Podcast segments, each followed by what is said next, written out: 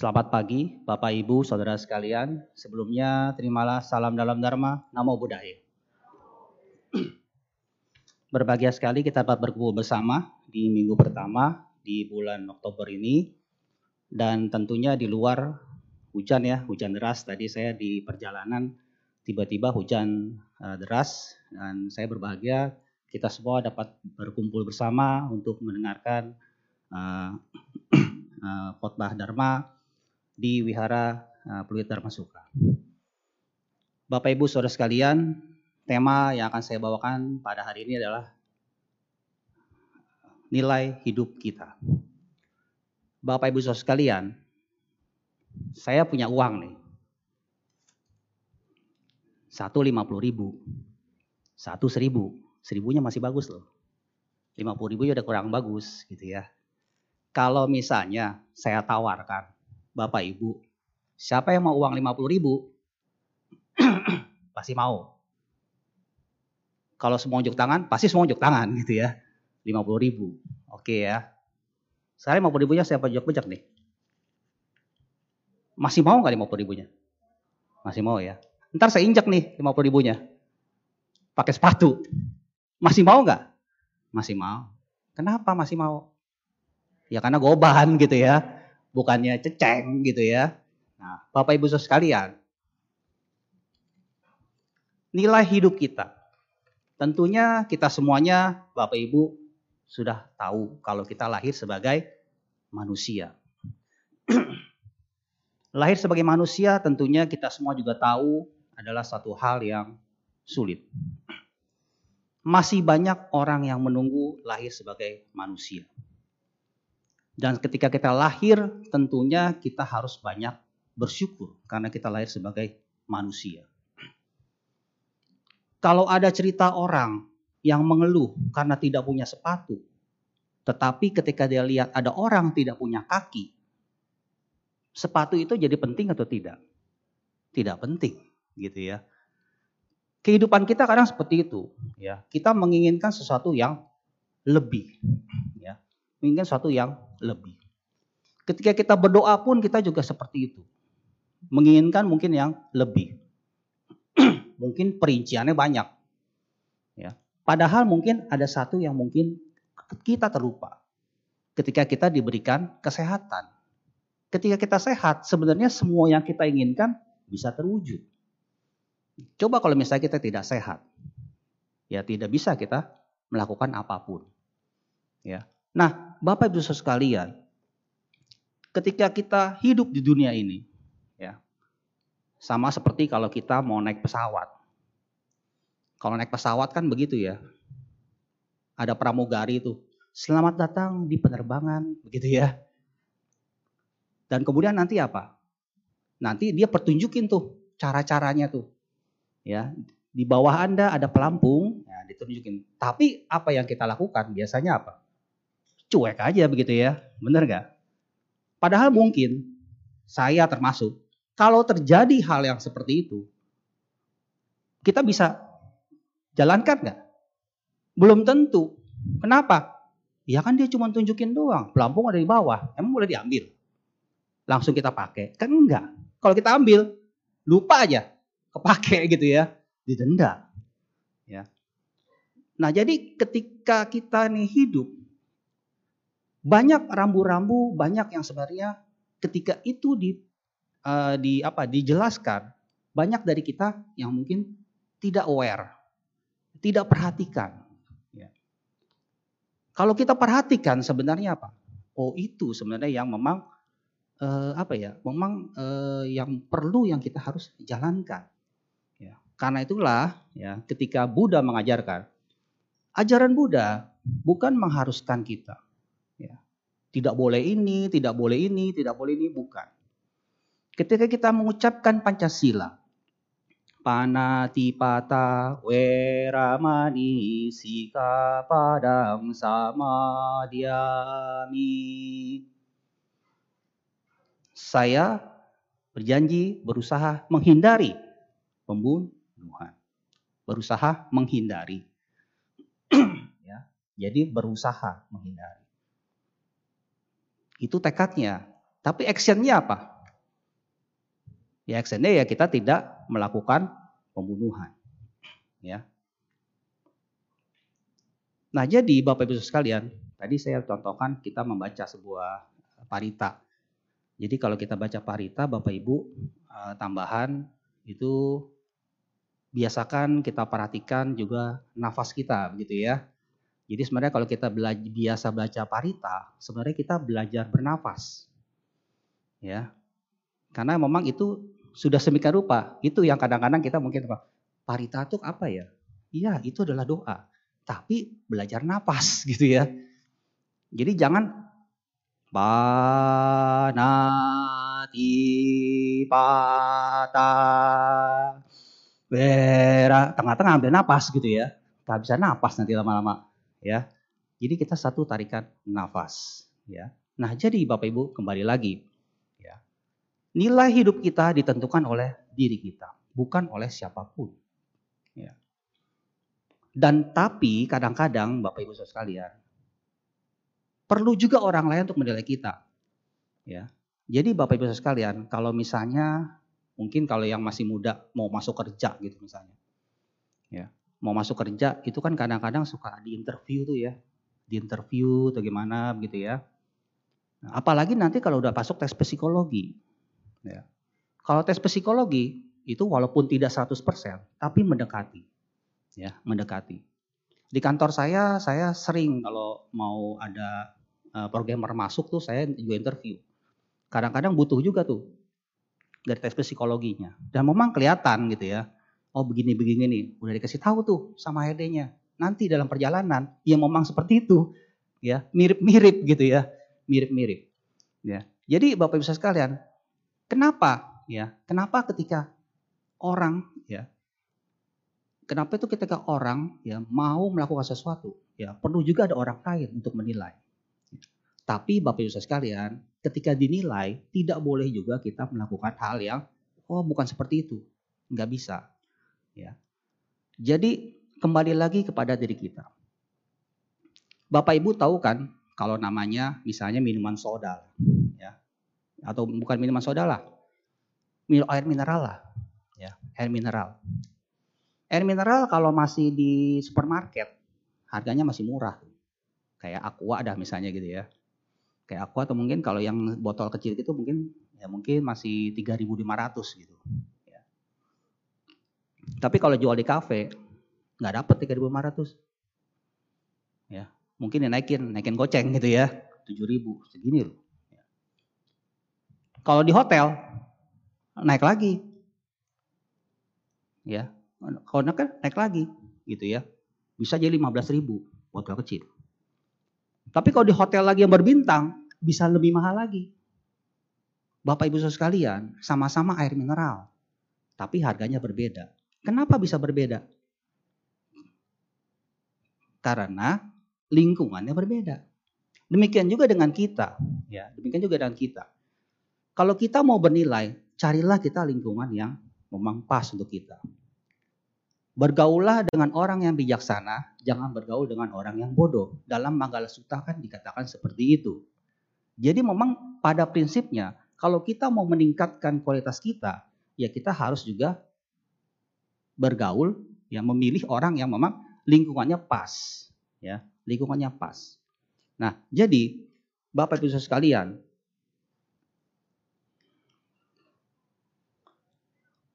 dalam hal kita melakukan hal sesuatu, ya, saya ambil misalnya dalam hal berdana, ya berdana.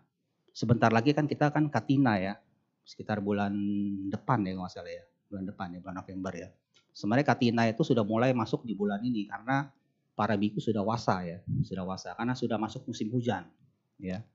Jadi kalau Katina itu sebenarnya artinya adalah bulan ya, bulan Katina gitu ya. Jadi pada saat ini para biku berwasa.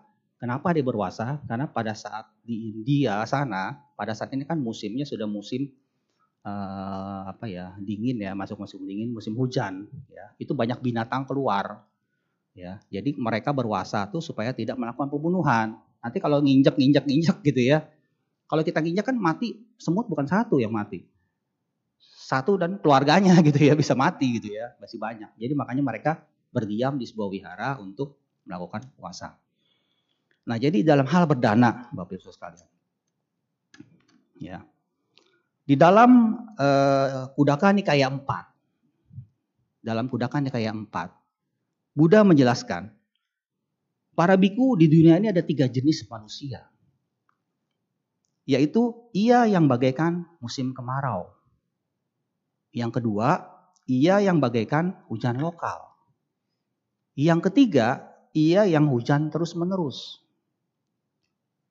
Maksudnya Buddha mengajarkan ini apa gitu ya, menjelaskan ini apa. Bapak Ibu sekalian, manusia yang seperti musim kemarau itu adalah orang yang tidak pernah memberi baik makanan, minuman, pakaian dan lain-lain ya kepada para pertapa Brahmana karena ini kan khotbahnya kepada para pertapa. Orang yang tidak bencana apa membutuhkan. Inilah para biku orang yang bagaikan musim kemarau. Musim kemarau kan panas ya Bapak Ibu sekalian ya. Jadi ibarat orang seperti musim kemarau. Itu panas, nggak pernah memberikan apa-apa. Bahasa kerennya pelit gitu ya. Bahasa kerennya pelit gitu ya. Orang yang pelit, nggak pernah mau ngasih apa pun. Ya, Ia orang yang bagaikan musim kemarau. Yang kedua, manusia seperti hujan lokal. Kalau hujan lokal Bapak Ibu tahu kan ya? Kalau kita lagi pergi di sini hujan, eh ke sana berhenti gitu ya Kayak tadi saya berangkat dari rumah saya nggak hujan tuh. Jadi saya antang-antang aja gitu ya. Eh toto hujan di sekitar Semanggi itu hujan deras gitu ya. Sampai ke sini. Eh, berarti itu hujannya nggak merata, mungkin hujan lokal. Ya. Apakah yang dimaksud dengan manusia seperti hujan lokal? Dalam hal ini orang yang memberi pada orang-orang tertentu sementara tidak kepada orang lain. Ya. Mereka ya. Jadi orang yang seperti hujan lokal masih ngasih tapi milih-milih. Kan hujan kan gitu ya. Hujan kan hujan lokal gitu ya. Kadang di sini hujan, di sini enggak. Kadang-kadang seberang-seberangan, sini hujan, sini enggak gitu ya. Kayak ini hujan milih-milih gitu ya. Di sini kagak hujan, sini hujan. Jadi orang bagaikan hujan lokal. Orang bagian hujan lokal, ya seperti itu. Orang yang berdana, tapi masih milih. Yang ketiga, orang yang ibaratnya hujan terus-menerus. Pasti Bapak Ibu tahu maksudnya apa adalah orang yang memberikan dana tanpa memilih. Hujan deras kan terus Nah, namanya hujannya kan nggak pernah dia hujan. Pernah hujan tuh, ntar berhenti, ntar ini ah, gitu kan enggak. Hujan deras terus menerus. Jadi ibarat orang yang memang seperti itu. Nah, dari kategori yang tadi ini, kalau dengan kualitas kita, ya, ya, dibaratkan orang yang seperti kemarau, dia orang yang tidak pernah melakukan peningkatan kehidupannya. Jadi diam aja, nggak melakukan apa pun. Bahkan terkesannya pelit, nggak pernah melakukan hal yang baik. Ia memang tidak pernah berbuat jahat, tapi tidak berbuat baik. Kalau dalam Owada Patimoka, jangan berbuat jahat, udah terpenuhi itu. Nggak ngapa-ngapain. ya. Tapi yang kedua, tambahlah kebajikan. Menambah nggak kebajikannya? Tidak. Kebajikannya tidak bertambah. Karena itu kan Buddha mengajarkan jangan berbuat jahat. Kedua, tambahlah kebajikan. Karena orang nggak berbuat jahat, pasti nggak berbuat kebajikan. Enggak. Ya. Nah, jadi Bapak Ibu sekalian, orang dalam hal ini, dalam kita hidup, ya memang kita harus banyak belajar, ya, banyak belajar. Belajar itu sampai tua. Ya. Dalam hal ini belajar kan bukan hanya belajar yang seperti kita belajar di pendidikan gitu ya. Tapi namanya belajar menjadi juga adalah uh, apa uh, selalu ya. Demikian juga kita kita berbuat baik itu juga belajar. Kenapa? Kadangkala ketika kita berbuat baik mungkin masih ada yang namanya pamrih begitu ya. Betul ya mungkin ya. Kita kita berbuat baik mungkin ada yang namanya pamrih masih ada tapi lama-lama kita harus hilangkan. Jadi kalau saya menolong kamu tidak ada yang hutang dari kamu. Mungkin saya sudah membayar hutang saya kepada kamu. Kenapa saya bisa tolong dia, tapi saya nggak nolong dia? Pernah nggak Bapak Ibu? Dalam hati, kok sama ini saya tuh e, mau nolong, tapi yang ini enggak. Sama orang yang belum dikenal, kita terasa mungkin ah saya mau tolong dia. Tapi sama saudara sendiri mungkin enggak gitu ya. Jadi kenapa tuh seperti itu? Pernah nggak kita eh, apa ya maksudnya berpikir gitu ya. Kenapa seperti itu? Nah, itulah dia namanya karma. Ya. Ketika kita lahir sebagai orang tua dan anak dan saudara, karma kita memang seperti itu. Kita harus bertemu. Tapi bagaimana kelanjutannya? Ya ini kita tidak tahu, ya. Kenapa? Karena ya setiap orang mempunyai memang mempunyai karma sendiri. Tapi ketika dia bertemu dengan orang lain, dia akan ber apa ya? Uh, apa ya? Secara ininya dia akan ber berapa ya? unsur ya. Kalau kalau di dalam pace itu orang ketika lahir dia punya unsur. Jadi dia orangnya tipe kayu, tipe air, tipe api, tipe logam atau tipe tanah gitu ya. Nah, tapi ketika dia ketemu dengan orang lain, nah ini kan ber, berbaur lagi nih. Jadi orang yang baik belum tentu bisa jadi baik. Karena itu Bapak Ibu sekalian, seorang lama ketika dia meninggal, dia pasti harus dicari. Pernah tahu kan ya, seorang lama Tibet ketika dia meninggal, Dalai Lama lah begitu meninggal, dia akan dicari pasti. Kenapa? Lahirnya di mana? Kenapa? Kalau nggak cepat-cepat diambil, lahir kelupaan. Ya, kelupaan. Walaupun nanti dia bisa ingat gitu ya, bisa ingat. Bapak Ibu saudara sekalian punya ingatan masa lalu. Yang kadang kala ketika kita memperhatikan sesuatu, kayaknya saya pernah tahu kapan di sini ya. Begitu ya. Saya pernah nih, saya pernah mengalami ini, tapi di mana gitu ya. Saya pernah ketemu dia, tapi di mana gitu. Ya nggak ada yang tahu. Kalau di dalam di dalam apa itu? Kalau di dalam uh, cerita leluhur kita di Tionghoa itu katanya kalau ketika meninggal dikasih minum lupa gitu ya. Lupa ya. Sebenarnya sih bukan lupa, tapi memang ketika kita lahir lagi ingatan masa lalu kita belum belum muncul ya, belum muncul. Karena itulah ketika kita belajar meditasi, ketika belajar meditasi ada yang namanya Eh, kita bisa melihat kehidupan-kehidupan kita sebelum sebelumnya. Ya, sebelum sebelumnya. Bapak Ibu Saudara sekalian, mungkin dalam hidup Bapak Ibu Saudara sekalian, kok kenapa ya saya kalau sama gabung muda ser, tapi sama yang lain enggak. Kenapa bisa seperti itu?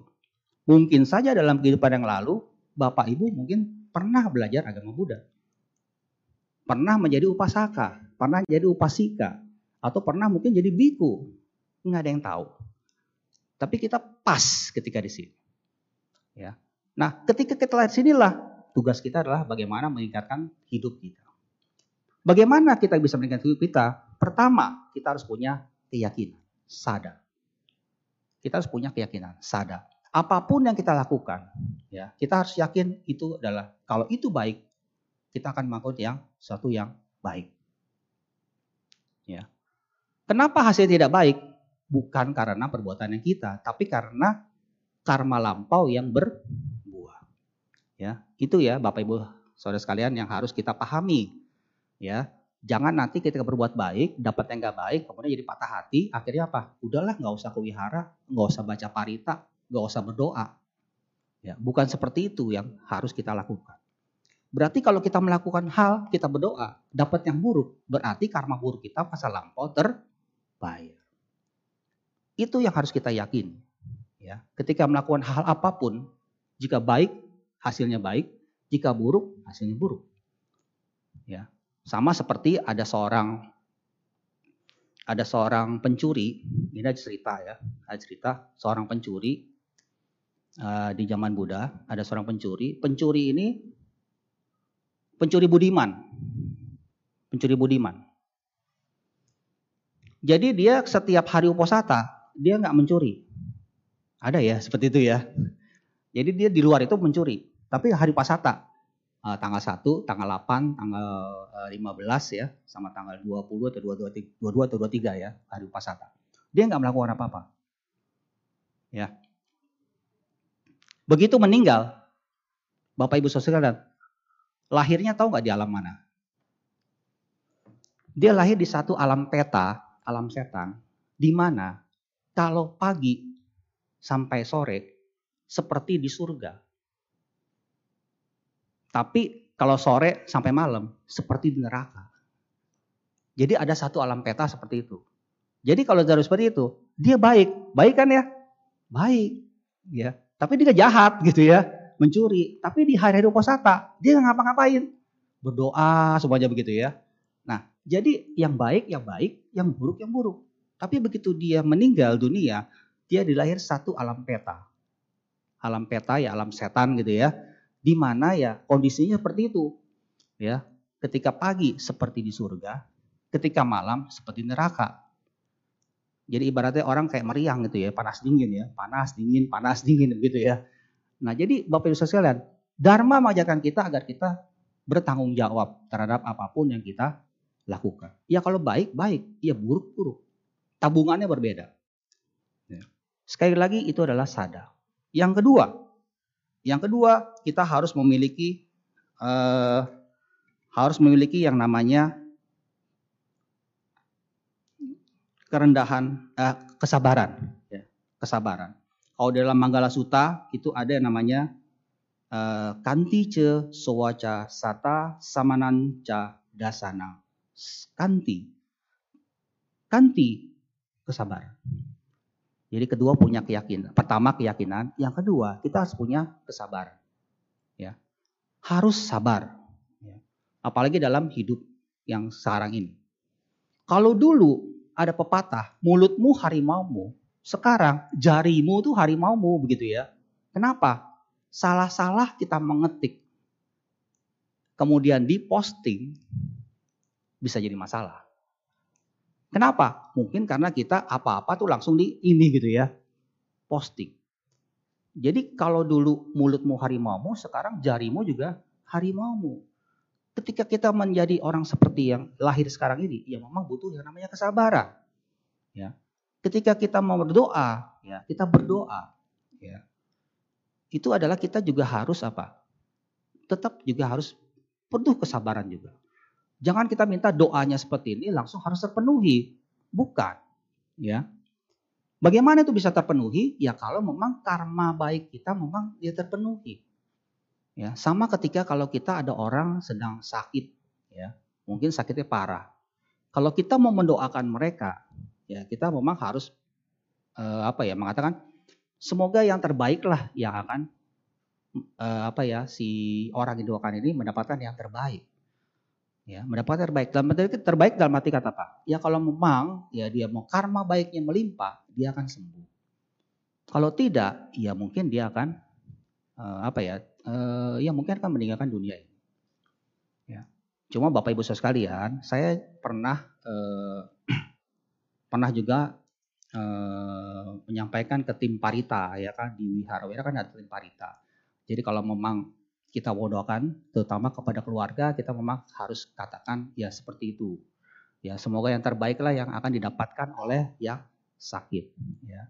Kenapa? Karena kalau didengar nih, ya, kalau dengar itu banyak kalau misalnya apa orang udah sakit kemudian dibacain parita terus jitwalk gitu. Kayaknya parita itu parita kematian gitu ya. Habis dibacain parita mati gitu ya. Habis baca mati gitu. Ya. Orang-orang sekarat ya, ya sekarat baru dipanggil, ya susah gitu ya. Ya. Kecuali kan kalau masih sembuh ya. Kayak ibarat kanker udah stadium 4 gitu ya. Mau diapain juga nggak bisa. Dioperasi nggak bisa juga. Karena apa? Udah menyebar. Ya. Tapi kalau kita masih sedikit, ya kita memang harus ya seperti itu ya. Jadi jangan tunggu, jangan tunggu itu sudah menyebar, ya akan akan jadi masalah. Ya. Nah jadi kembali lagi kesabaran. Yang ketiga kerendahan hati. Ini yang kadang-kadang mungkin dalam hal ini kita sebagai manusia, apalagi umat Buddha yang sudah mempelajari Dharma, kerendahan hati ini penting. Dengan kita merendah hati, kita juga menghindari ego, ya. Begitu ya. Kenapa? Kita harus menghindari keakuan kita. Ya. Inilah yang masalah. Keakuan kita kalau kita menjadi aku, namanya aku ya. Aku, aku tuh jadinya ya aku gitu ya. Sombong jadinya. Ya, sombong. Kalau kita jadi orang masih kuat, kita kan menindas orang yang lemah. Padahal kita suatu saat bisa jadi orang yang lemah. Ya, Orang yang ganteng, cantik, menghina orang yang mungkin kurang ganteng, kurang cantik. Padahal kita bisa jadi seperti dia. Ya. Orang yang mungkin berkekurangan, ya, kita berkelebihan. kita juga bisa jadi orang yang berkekurangan seperti dia. Jadi segala sesuatunya adalah mungkin. Nah, jangan kita kemudian langsung kita jadi sombong. Ya. Jadi yang pertama keyakinan, kita harus punya keyakinan. Kedua, harus punya kesabaran. Yang ketiga, harus punya kerendahan hati. Dengan tiga ini kita jalankan, setidaknya nilai hidup kita akan di bertambah. Orang kita nggak bisa lihat, tapi orang lain bisa lihat. Ya, orang lain bisa menilai. Oh, dia ini ya. Oh, dia sabar. Ya. Oh, dia ini gini. Kenapa? Kalau kita sabar, kita bisa melihat segala sesuatunya dengan dengan baik. ya. Jadi kalau saya di keluarga nih, kadang-kala kalau istri itu kalau ada apa-apa tuh langsung brrr gitu ya. Nggak tahu deh kalau di sini ya. Kadang tur gitu kadang tot gitu ya begitu ya. Ya sabar aja gitu kan. Kita sebagai laki-laki ya harus tenang gitu kan. Nah gitu. udah. Ntar kalau udah udah tenang baru. Mesti begini begini. Oh jadi begitu ya. Jadi baru. Kenapa? Karena kalau sesuatu harus dipanik gitu ya. Nggak bisa kita melihat dengan jelas ya kan panik gitu oh mesti begini gini gini gitu wah repot kalau gitu ya diem aja Nanti kalau udah saatnya tenang, udah baru gitu ya. Begini, oh begini, oh begini enggak, udah begini enggak gitu ya. Oh iya ya, oh iya ya gitu baru. Pada saat, saat lagi saat panik nggak bisa. Orang lagi panik sama seperti orang yang lapar. Begitu datang, kita kasih tahu juga nggak bakal masuk. Ada sebuah cerita ketika pang, uh, pangeran uh, ketika Buddha mau memberikan ceramah, ya, memberikan ceramah, ada yang terlambat datang. Mau dengerin ceramah loh, terlambat datang. Ternyata Buddha memang menunggu dia. Karena pada saat itu kalau dia di kota dia akan mencapai tingkat kesucian. Jadi ditunggu, tahu. Begitu datang, apa yang dilakukan Buddha? Silakan istirahat dulu, makan dulu. Ih, makan dulu dia. Buddha masih nunggu. Ya. Nah setelah udah udah udah ini udah kenyang semuanya, duduk baru mendengarkan khotbah. Kenapa? Kalau lagi lapar, lagi capek semuanya, bisa nggak kita dengerin? Nggak bisa, nggak bisa. Jadi kita harus memang tenang, ya. Nah, jadi Bapak Ibu Saudara sekalian, kalau kita melakukan perbuatan baik, jangan pernah kita menunda-nunda. Jangan kemudian kita mikir untung dan rugi. Bapak Ibu sekalian, ada sebuah cerita di zaman Buddha. Yaitu cerita ini e, mengenai Cule Kasataka. Ya, Cule Katasaka.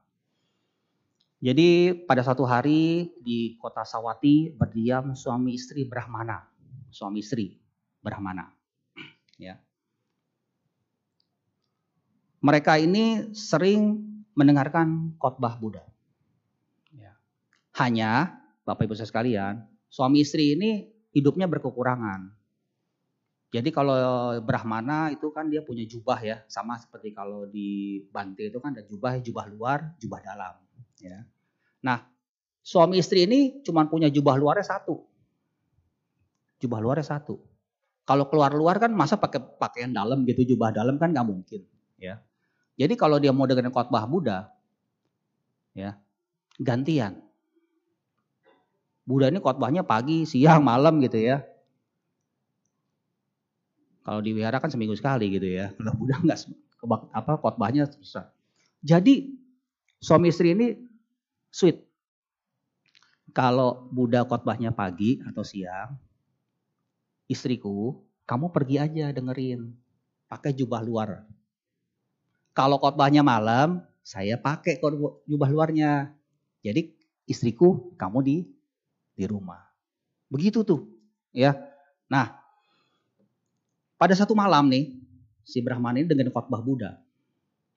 Begitu dia terpesonanya ya dengan khotbah Buddha, pada saat itu dia mempunyai tekad. Wah, saya mau kasih jubah luar saya nih sama Buddha.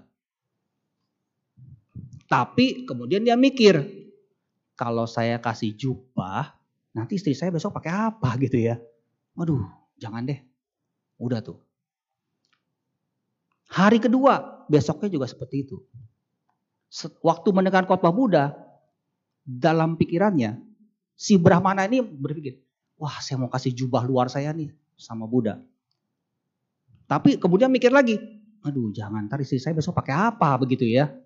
Udah nih, ditunda lagi. ya. Begitu hari ketiga, si Brahmana ini begitu pulang nih mikir, mikir terus gitu ya gimana gitu ya. Kalau saya kasih istri saya nggak pakai apa-apa nanti ya, tapi saya mau kasih ya.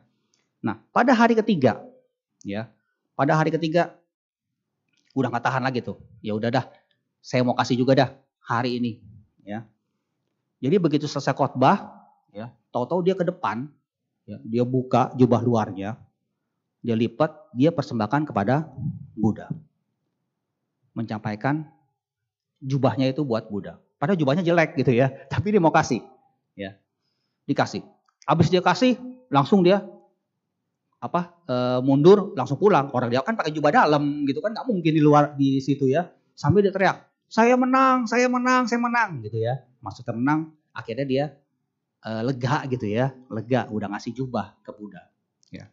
Nah pada saat itu pada saat dia memberikan e, apa dana itu ya ada seorang raja raja Pasenadi dari Kosala yang juga mendengarkan khotbah. Raja dengan khotbah ya.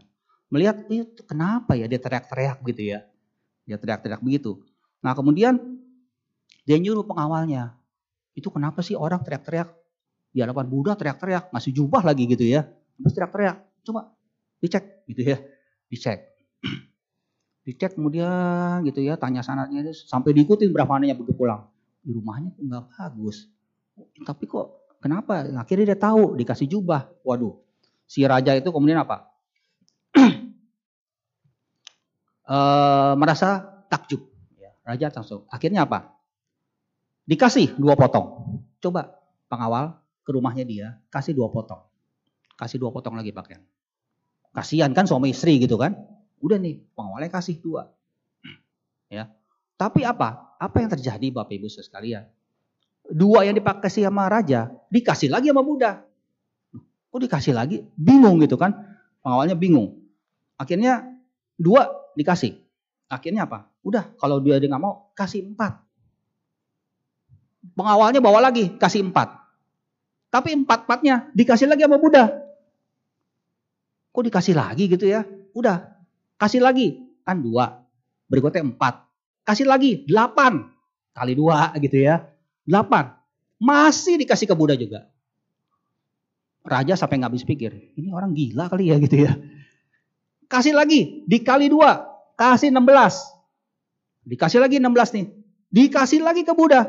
Ini gimana sih ya dikasih enam belas, dikasih lagi. Udah kasih lagi tiga dua, Ya. Kasih tiga puluh dua. Begitu dikasih tiga puluh dua, Si Brahmananya 30-nya dikasih Buddha, duanya baru dipakai. Ya, wah takjub rajanya. Ini benar-benar hebat gitu ya. Akhirnya apa? Udah dikasih lah jubah beludru ya. Bagus kan gitu ya. Jubahnya dari apa? Pakai apa? Eh, bahan pakaian dari beludru. Dikasih. Ya. Ternyata Bapak Ibu sekalian. jadi dikasih sepasang ya. Ternyata Bapak Ibu. Yang satu ditaruh di depan dibuat kalau si Brahmana ini kadang-kadang juga kalau menerima Buddha atau apa gitu ada di ruangannya lah gitu walaupun kecil tapi ada dia taruh di situ. Yang satu lagi dikasih Buddha. Sampai kemudian ketika besoknya ketika raja bah lagi dia lihat itu Bududru kayaknya pernah saya tahu ya. Oh itu kan yang saya kasih ke Brahmana kenapa ada di sini gitu ya. Wah akhirnya apa? Takjub si raja ini ya. Karena itulah karena karena hmm, si raja ini takjub. Akhirnya apa? Si raja ini kemudian menyuruhkan pengawalnya untuk memberikan tujuh macam kepada si Brahmana. Apakah tujuh macam itu? Empat buah ya sabatasoka yaitu empat ekor gajah, empat ekor kuda, empat orang pelayan wanita, empat orang pelayan laki-laki, empat orang pesuruh laki-laki, empat desa, empat ribu uang tunai. Tujuh. Ya. Dan ketika para biku mendengar hal itu, mereka bertanya kepada Buddha, Bagaimana hal itu terjadi? Perbuatan baik yang dilakukan saat itu menghasilkan pahala yang sangat cepat. Dalam hitungan hari gitu ya. Pahalanya sangat cepat gitu ya. Kemudian Buddha menjawab. Jika si Brahmana itu memutuskan memberikan baju luarnya pada hari pertama, dia bukan hanya mendapatkan masing-masing empat. Kan tujuh macam ya. Masing-masing empat. Tapi tujuh macam itu masing-masing adalah 16. Jadi kalau pada hari pertama si Brahmana itu memberikan jubahnya, dia akan mendapatkan 16 gajah, 16 kuda, 16 pelayan wanita, 16 pelayan laki-laki, 16 pesuruh laki-laki, 16 desa, dan 16 ribu uang tunai. Kalau pada hari pertama. Kalau pada hari kedua si Brahmana itu memutuskan memberikannya jubahnya pada Buddha, dia akan mendapatkan masing-masing delapan.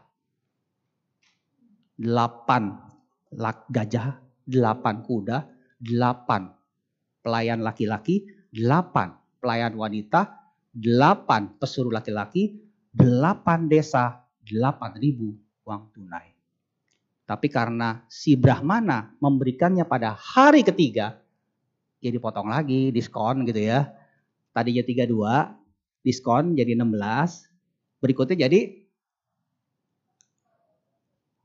32 dibagi 2 16 ya, dibagi 2 lagi ya. Eh, 4 ya, 32 16 ya. Jadi 4. Jadi berkurang, berkurang banyak.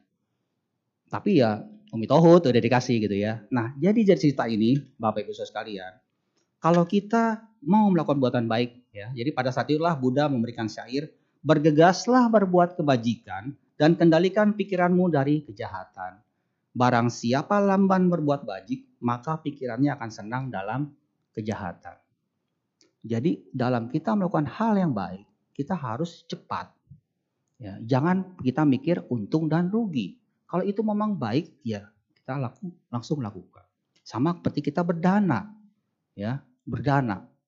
Semakin orang mungkin banyak hartanya, mungkin kalau yang didanakan mungkin bisa saja semakin sedikit. Ya, ibaratnya kalau saya dulu gaji saya satu juta, 10 persen satu juta berapa? 100 ribu. Saya mau masih mau kasih 100 ribu. Gaji saya 10 juta, 10 persennya satu juta. Masih saya kasih satu juta. Tapi kalau penghasilan saya 100 juta, nggak tahu ya mau kasih 10 juta atau tidak gitu ya. Nah jadi kembali lagi kepada masing-masing diri kita. Nah jadi Bapak Ibu sekalian, kualitas hidup kita ditentukan oleh diri kita. Nilai hidup kita ditentukan diri kita, bukan dari orang lain. Jangan orang lain yang menentukan, wah kamu begini, kamu begini, kamu begini. Tapi kita harus banyak-banyak melakukan peningkatan diri kita.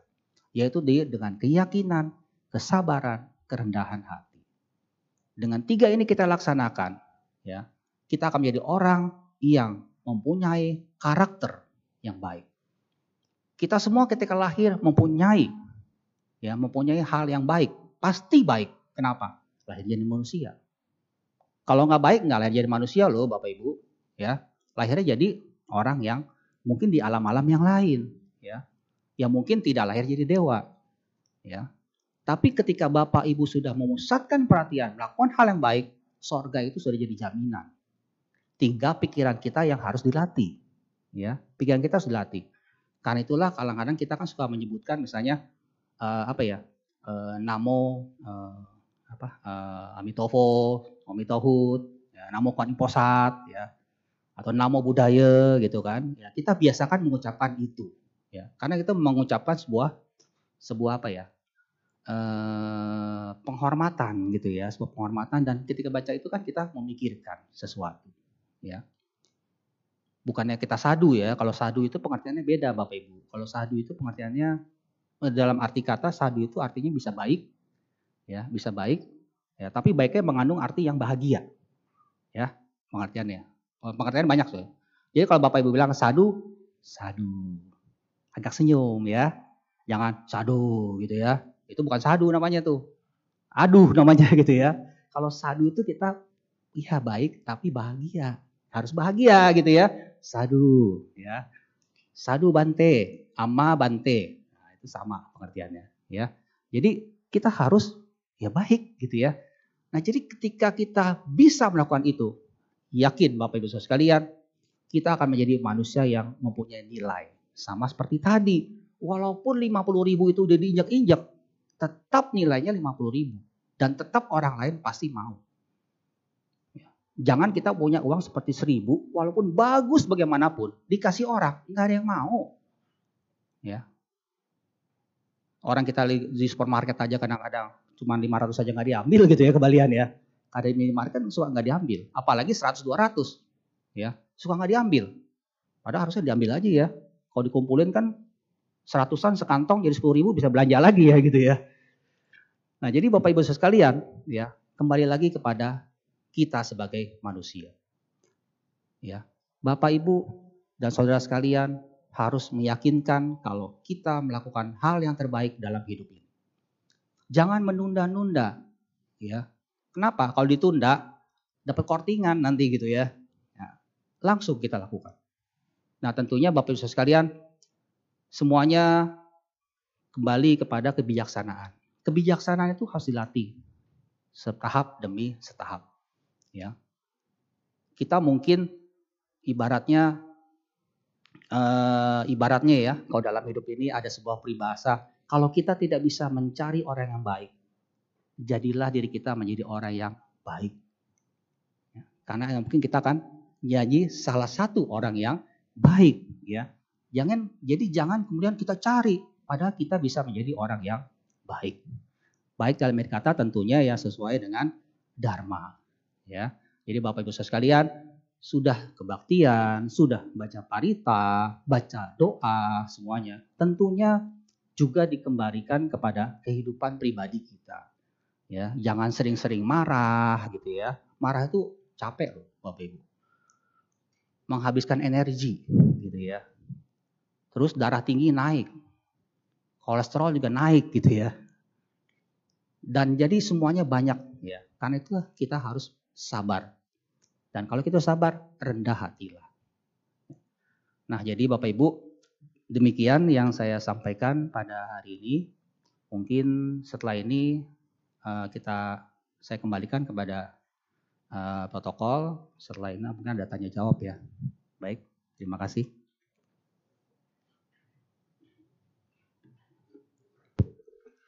Demikian ceramah damai yang disampaikan oleh Romo Iwan Setiadi. Masih ada beberapa menit diselingi sesi tanya jawab. Sambil menunggu pertanyaan, mari kita buka kembali buku tuntunan puja bakti kita. Kita nyanyikan sebuah lagu bersama-sama.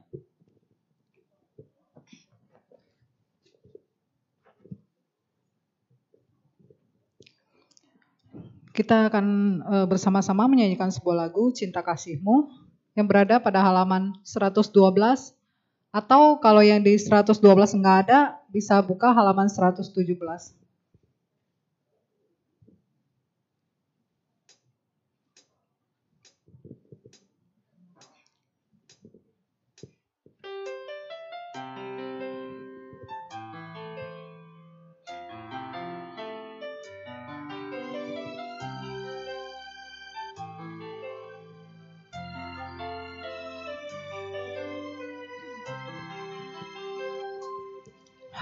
Padamu. Ku kan bersujud. Sepenuh hatiku dan keyakinanku sinar wajahmu. Sejukkan hatiku cinta dan kasihmu. Damaikan jiwaku Dikala hati menjadi bimbang Tak berpaling darimu Lalui jalan yang penuh liku. Ku genggam damamu Hanya di dalam dirimu Ku temukan cinta yang abadi. Cinta kasihmu yang suci Kau pancarkan kepada umat manusia tanamkanlah dalam diri cinta yang diajarkan sang Buddha. Marilah kita pancarkan cinta kasih.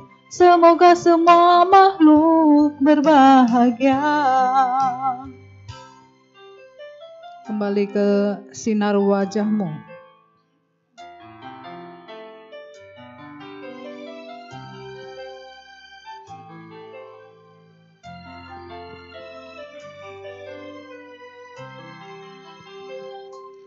Sinar wajahmu sejukkan hatiku.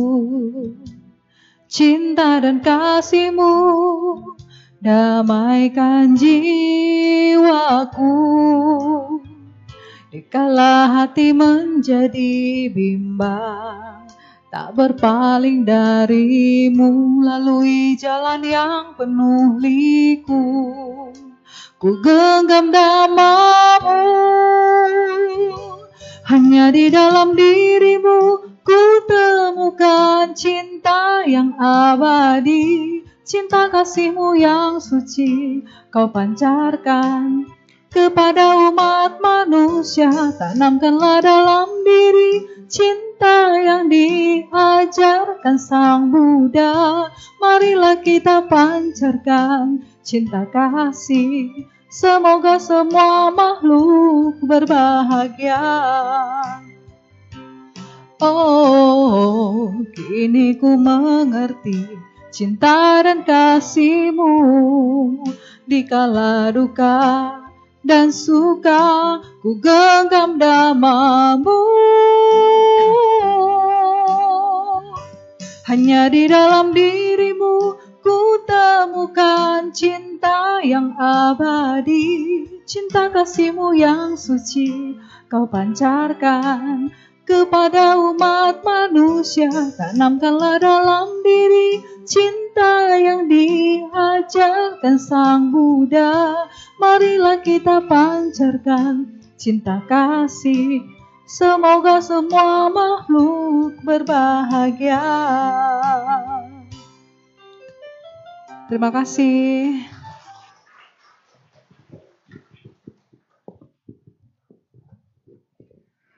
Baik, tiba saatnya kita masuki sesi tanya jawab. Mungkin dari Bapak Ibu yang ingin bertanya secara lisan, kami persilakan terlebih dahulu. Angkat tangannya aja.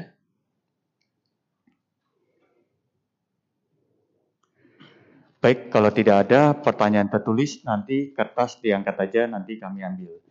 Kepada Romo, waktu dan tempat kami kembalikan. Baik, sebelum jawab ada koreksi tadi yang tadi saya bilang mendapatkan bukan 32 ya, 16 ya. 16 bagi 2 8, 8 bagi 2 4 ya. ya, baik. Uh, ini saya jawab ini saya ingin bertanya saya memelihara kura-kura Brazil dan makanannya ulat Jerman di mana kita jadi membunuh ulat Jerman untuk makanan kura-kura. Apakah nanti karma buruk saya menjadi bertambah banyak? Mohon pencerahannya. Bapak Ibu sekalian, eh, tentunya ketika kita menjadi umat Buddha ini tentunya memang harus eh, apa ya? menghindari hal-hal yang memang tentunya bisa menimbulkan apa ya? Eh, kita kan menghindari ya Pancasila gitu ya jadi sengganya kayak seperti memelihara kura-kura, ya, memberikan makan ulat, ya. E, memang sih itu karmanya si ulat gitu ya, kenapa sampai ketangkep jadi kasih makan kura-kura gitu ya. Cuma memang kita sebaiknya memang tidak memelihara binatang yang memang makanannya binatang juga, nah, kasihan juga gitu ya. Kenapa? Jadi kan kita perantara kita tuh ulatnya jadinya ya jadi dibunuh gitu ya. Jadi dibunuh, jadi dibunuh ya. Beda dengan layan ya Bapak Ibu ya. Layan itu karena hidupnya memang dia menangkap ikan ya. Ya menangkap ikan gitu ya. Walaupun memakan karma buruk ya. Memang karma buruk. Tapi bukan berarti kemudian dia eh, apa ya? Tentunya setelah itu dia harus banyak-banyak berbuat baik. Ya, beda ya dengan yang apa sih dengan nelayan. Jadi sebaiknya sih tidak kita memelihara binatang uh, yang uh, memberi makannya ya makanan yang binatang juga ya kasihan gitu ya Jadi eh, seperti kalau kita kayak misalnya kadang eh, saya dan mungkin bapak ibu saya sekalian juga pernah mengalami kalau yang sekarang kalau kita mau makan, kalau disuruh milih-milih ikan yang mau digoreng, kayaknya nggak tega juga gitu ya. Berarti kasihan juga tuh ikan nasibnya di tangan saya gitu ya. Nah itu tuh, itu yang digoreng tuh gitu ya. Nah, itu gitu ya. Beda kalau kita beli di pasar ya, beli di pasar kan gitu kan mungkin sudah sudah apa eh, mati gitu ya. Tapi kalau kita makan ditunjuk-tunjuk gitu, kayaknya kasihan juga ya. Apalagi kalau makanannya memang yang binatangnya memang e, memang harus hidup gitu. Kayak misalnya kepiting ya kepiting itu kan hidup ya, hidup-hidup ya. Kepiting itu kan direbus hidup-hidup. Ya. Kalau kita makan kepiting kan memang harus hidup. Lain dengan rajungan. Kalau rajungan kan mati ya. Kalau kepiting kan harus hidup-hidup tuh. Direbus hidup-hidup. Ya. Udah itu tunjuk-tunjuk lagi itu ya. Coba kalau kepitingnya tahu. Dia pasti lari-lari itu. Cuman nggak bisa lari karena diikat gitu ya. Jadi udah tergantung telunjuk kita gitu. Nah itu dia tuh. Udah ya. Terimalah karma, karma buruknya dah. Nah kalau kayak begitu kan juga kita jangan bilang ya semoga lahir dalam bahagia gitu ya. Nggak bisa begitu juga ya. Jadi sebaiknya dihindari lah ya untuk memelihara binatang yang memang makanannya binatang juga.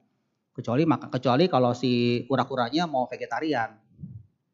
Nggak tahu kura-kura Brasil mau nggak dikasih sayur. Tapi mungkin nggak mau gitu kali ya.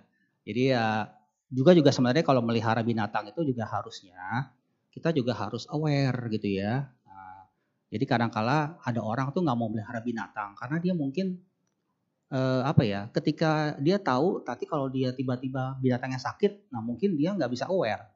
Ya, kasihan kalau kita melihara anjing misalnya. Ya. Ketika dia sakit, kemudian apa? Masa kita ke dokter suruh suntik mati? Ya kan? Kan kasihan gitu ya. Jadi kan jangan juga seperti itu. Kita juga harus menghargai ya hidup mereka juga. Jadi kalau memang dia sakit ya kita harus perhatikan juga sakitnya. Ya. Jadi memang dalam hal melihara melihara binatang ini ya dikembalikan lagi kepada kita ya sebaiknya jangan kita mulai binatang yang memang makanannya memang ya harus seperti itu ya. Karena nanti itu berarti kita sengaja gitu ya, sengaja. yang kedua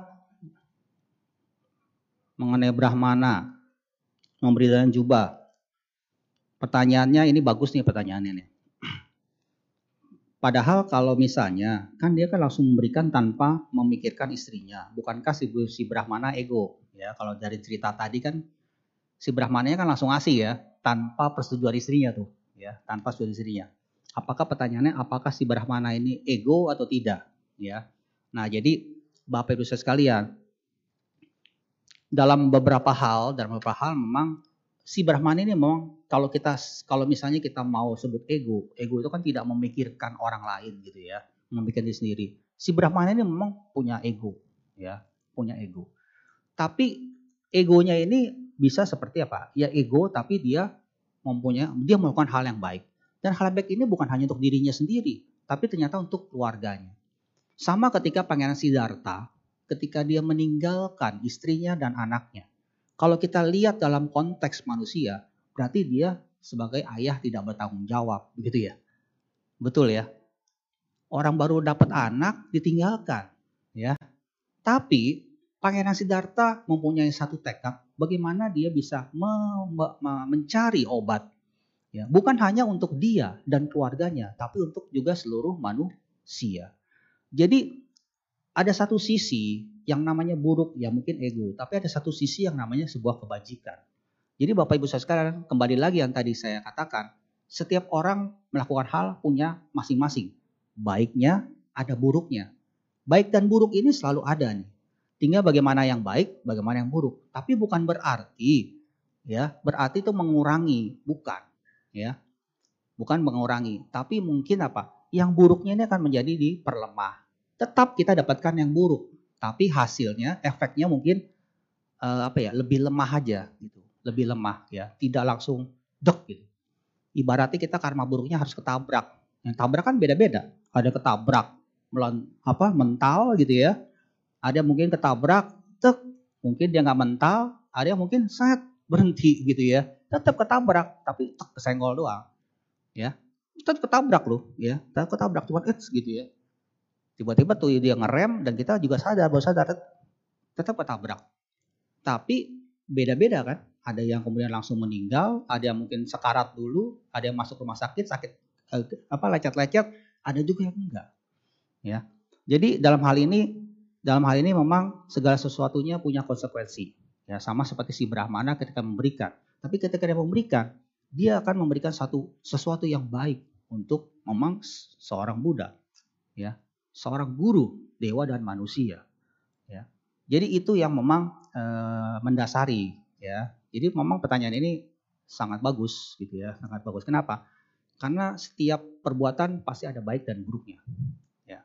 Tinggal bagaimana bagaimana e, mana yang baiknya dan mana yang buruknya ya. Jadi kembali lagi kepada kita tadi yang tadi saya katakan kebijaksanaan. Kebijaksanaan kita harus dilatih setahap demi setahap.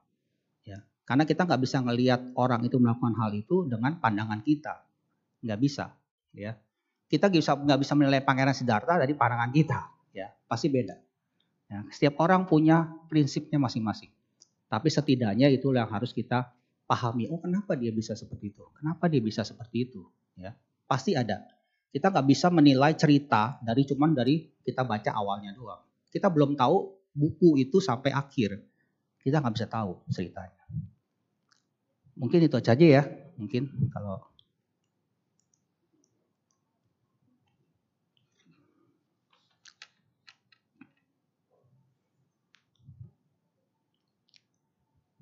ada lagi?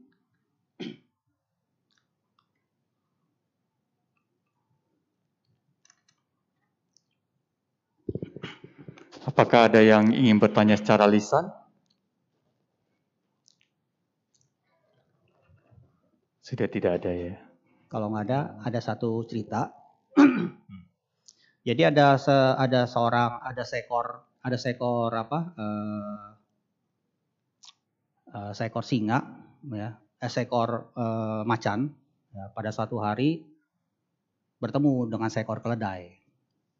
Ya bertemu dengan seekor keledai. Keledai itu kemudian bilang, rumput itu warnanya biru. Si macan nggak terima. Rumput itu warnanya hijau. Berantem tuh, ya berantem. Macan sama si keledai itu berantem. Namanya keledai gitu ya. Akhirnya sampai ke singa, ke raja hutan, raja rimba. Mengadu. Si keledai kemudian bilang, Raja, saya bilang rumput itu warnanya biru. Tapi kemudian si macan bilang, rumput itu warnanya hijau. Raja, ya tolong diputuskan, rumput itu warnanya sebenarnya apa? Kemudian apa yang dijawab oleh si, si singa? Rumput itu warnanya biru. Jadi keledai silakan pergi. Dan kamu macan, saya kenakan hukuman. Tinggal di sini. Ore, kata si keledai gitu ya. Dia pergi. Kemudian dia pergi, si macan bingung. Ini yang gila siapa gitu ya? Saya atau si Siri? Di mana-mana rumput warnanya hijau. Kenapa dibilang biru? Kemudian dia tanya, Raja, saya mau tanya, rumput itu kan warnanya hijau. Kenapa saya yang dihukum? Kemudian si raja bilang, si singa, Hai macan, rumput itu memang warnanya hijau.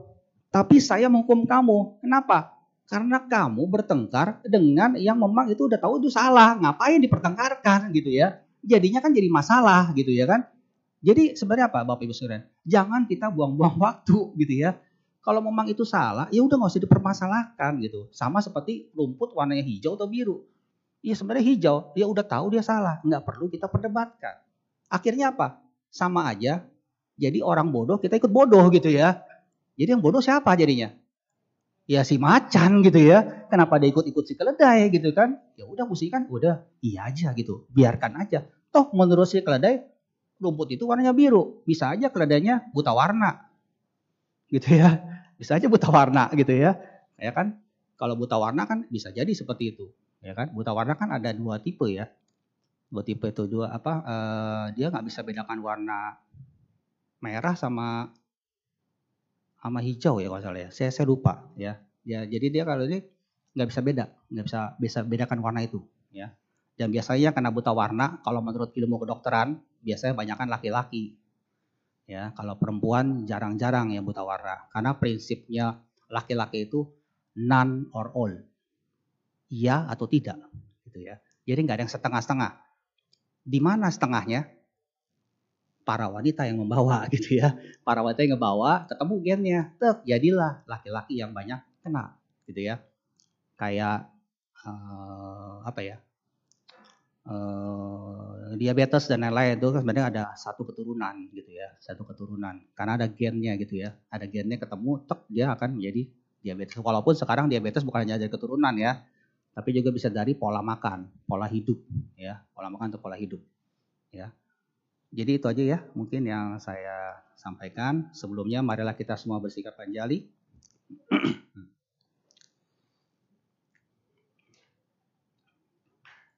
Yang kincira tenang loke, wijati wiwida putu, ratanang buddha samang nati, tasma soti bawantu te.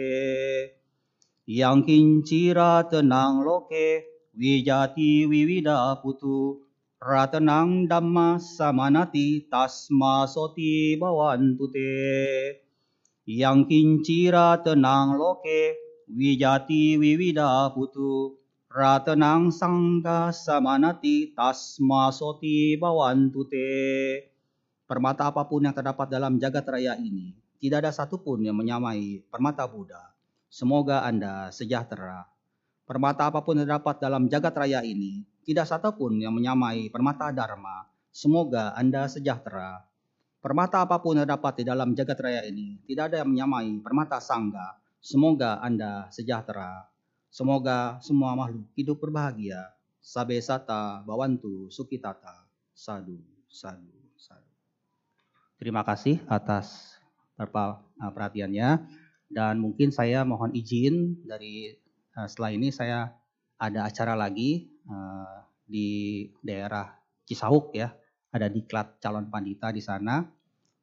mohon izin setelah ini saya tidak bisa mengikuti acara kebaktian sampai akhir. Terima kasih. Sebelumnya terima salam dalam Dharma. Namo Buddhaya.